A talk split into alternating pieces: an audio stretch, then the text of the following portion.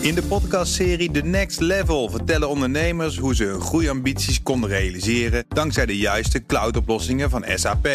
Wat waren de uitdagingen, de oplossingen en hoe ging de uiteindelijke implementatie? Benieuwd naar hun verhalen en hoe zij met behulp van SAP ook hun toekomstige ambities kunnen behalen? Luister de podcast The Next Level via de BNR-app of je favoriete podcast-app. Tech Update. Jo van Buurik, nu. Want er ligt hier een bril Bas. in de studio. Ja. En die is indirect verantwoordelijk voor de 11.000 medewerkers die deze week zijn ontslagen bij Meta. Yup.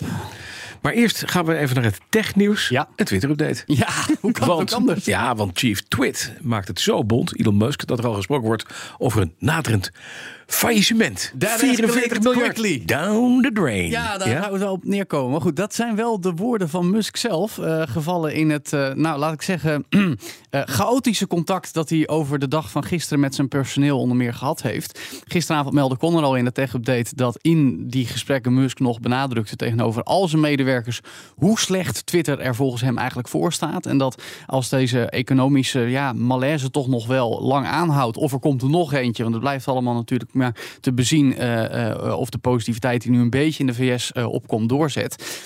Dat Twitter dat mogelijk niet overleeft. En inderdaad dat er dan een faillissement zou komen. En dat nou, om ja, minder afhankelijk te zijn van de advertentiemarkt, waar nou, nu ook niet meer zoveel mee gehaald wordt als je ziet hoeveel adverteerders er weglopen. Musk wil dat de helft van de inkomsten uit betaalde abonnementen gaat komen van gebruikers. Afgelopen nacht zei hij ook daartoe dat iedereen minimaal 40 uur per week op kantoor moet gaan werken. Het thuiswerken, dat is er niet meer. Mag niet meer. Nee, dus eh, eh, je begrijpt, niet iedereen is happy. Eh, dat weten we ook al een tijdje. Maar nu zijn er nog weer wat belangrijke mensen opgestapt bij Twitter. Waaronder de nu voormalige Head of Trust and Safety, de Chief Information Security Officer, de Chief Privacy Officer en de Chief Compliance Officer. Oké. Nou, tel die vier bij elkaar op. En dan heb je de hele managementlaag in de beveiliging en privacy hoek. Dus Ja. eh, ook sales topvrouw van Twitter, Robin Wheeler, zei dat ze weg zou gaan. Dat was trouwens degene die woensdag nog die Twitter Spaces leidde, waarin Musk nou, ons allemaal toesprak. Maar die is toch overgehaald door Elon om nog eventjes te blijven. Zij mag, wel, zij mag wel thuiswerken. Misschien. Of ze heeft heel veel geld erbij gekregen. Ze heeft wel een blauw vinkje, maar dat is gewoon een gratis abonnementje Twitter Blue. Ja, precies. Heeft ze acht, acht dollar gekregen van de baas. Nou, Nou, het gaat over die afdeling was. Ja, oké.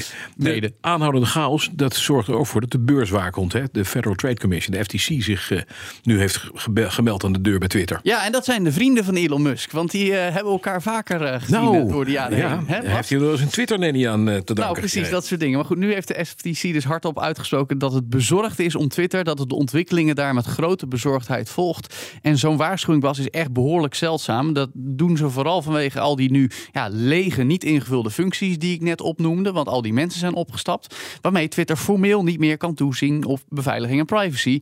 En dan kan Elon Musk wel roepen, "Ah, ik heb het zelf al mee in de hand. Maar de FTC zegt ook, geen enkele topman of bedrijf staat boven de wet.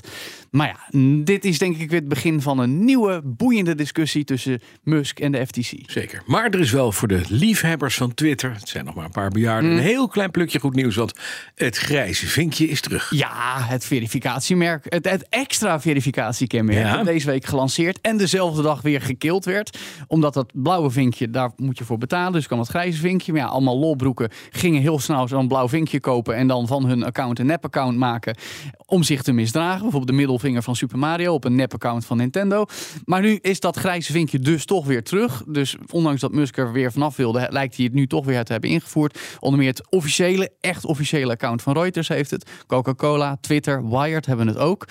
Ehm, ja, ik- het zou me ook niet verbazen als later vandaag toch opnieuw weer weg is. Maar voor nu is er ook weer het grijze vinkje. Dus bij. Maar wat blijft dus Elon Musk? Ja, dat, die gaat niet weg. Mhm. En eh, het, zeg maar, het is of Twitter gaat weg, maar Elon Musk blijft. Ja, zeker. En eh, misschien blijft Twitter ook, maar dat valt ook nog maar te bezien. Oké, dan nog iets heel anders wat in de categorie. Hoe kan je zo de plank misslaan?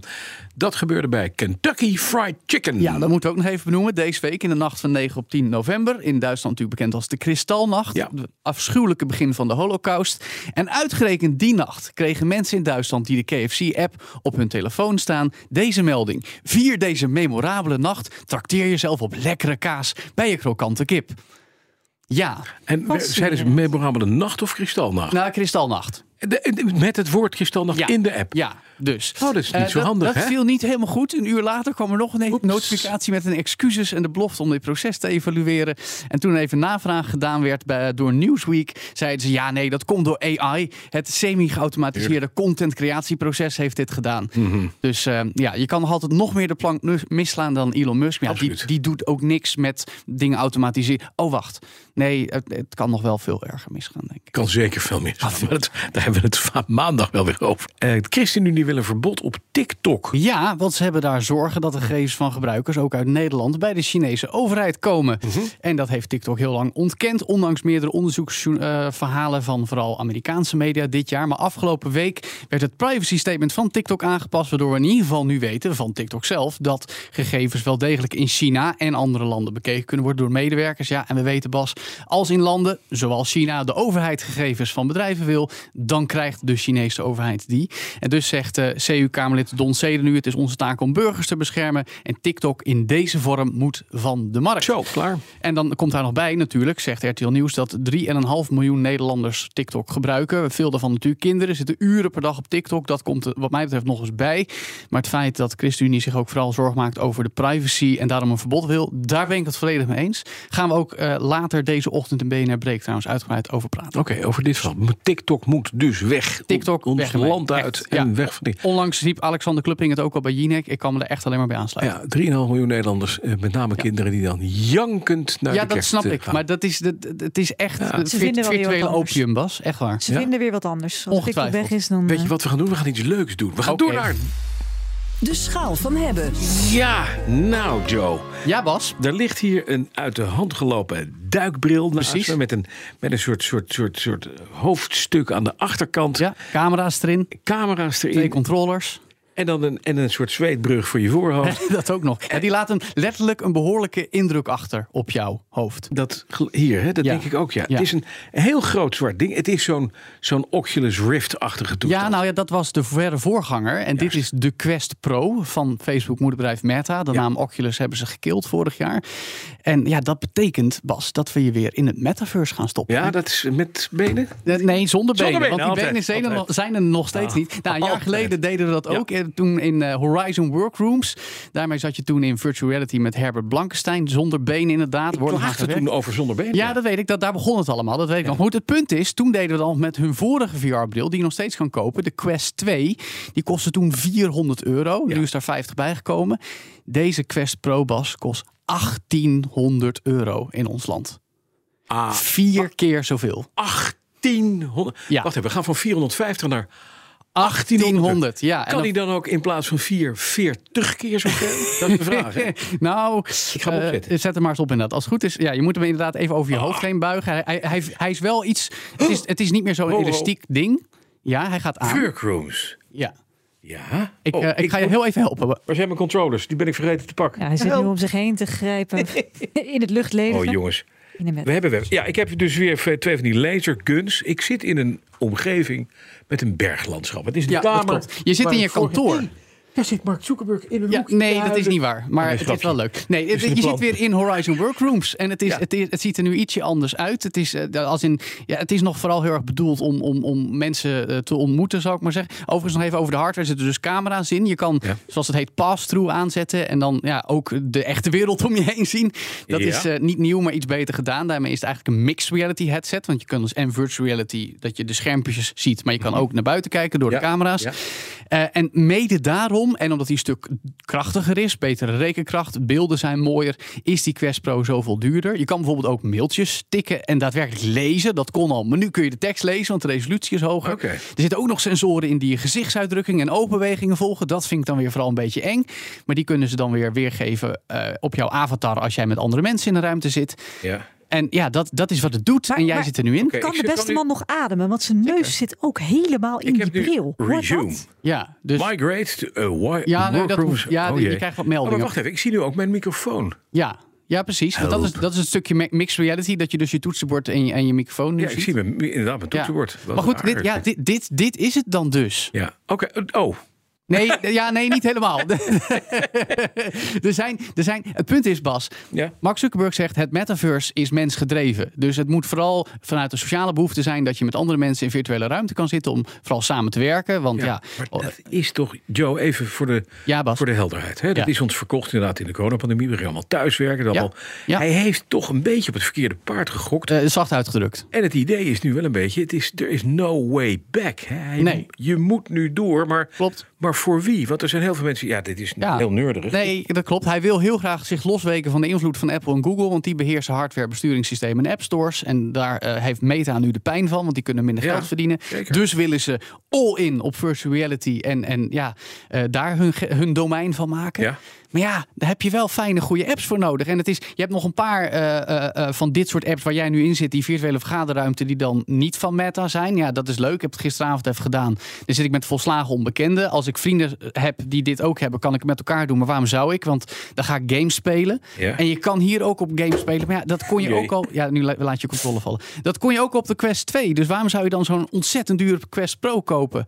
Ja. Die duidelijk voor de zakelijke markt bedoeld is. Ja, Ja, en dat is een beetje het verhaal. Ik, want ik zit nog steeds hier stil in die kamer. Kijk naar Ja. beneden. Ik heb nog steeds geen benen inderdaad. Nee, dat, dat ik heb wel armen. Oh, en de accuduur is schandalig kort. Want met geluk haal je er net twee uur uit voordat hij aan de laden moet. Dat is op zich ook de maximale duur dat je erin wil zitten aan één stuk door, zou ik zeggen. Maar Ja. ja, Maar Joe, het ontluisterende verhaal is wel ja. dat dit ding van 1800 euro misschien een mooie, mooie resolutie heeft. En maar dat ik nog steeds in dezelfde omgeving zit, zonder, zonder mensen, ja, met een ding waarvan ik niet blij word. nee. Dus ja, dan zeg ik ook. Wil ik niet hebben. Nee, Nee.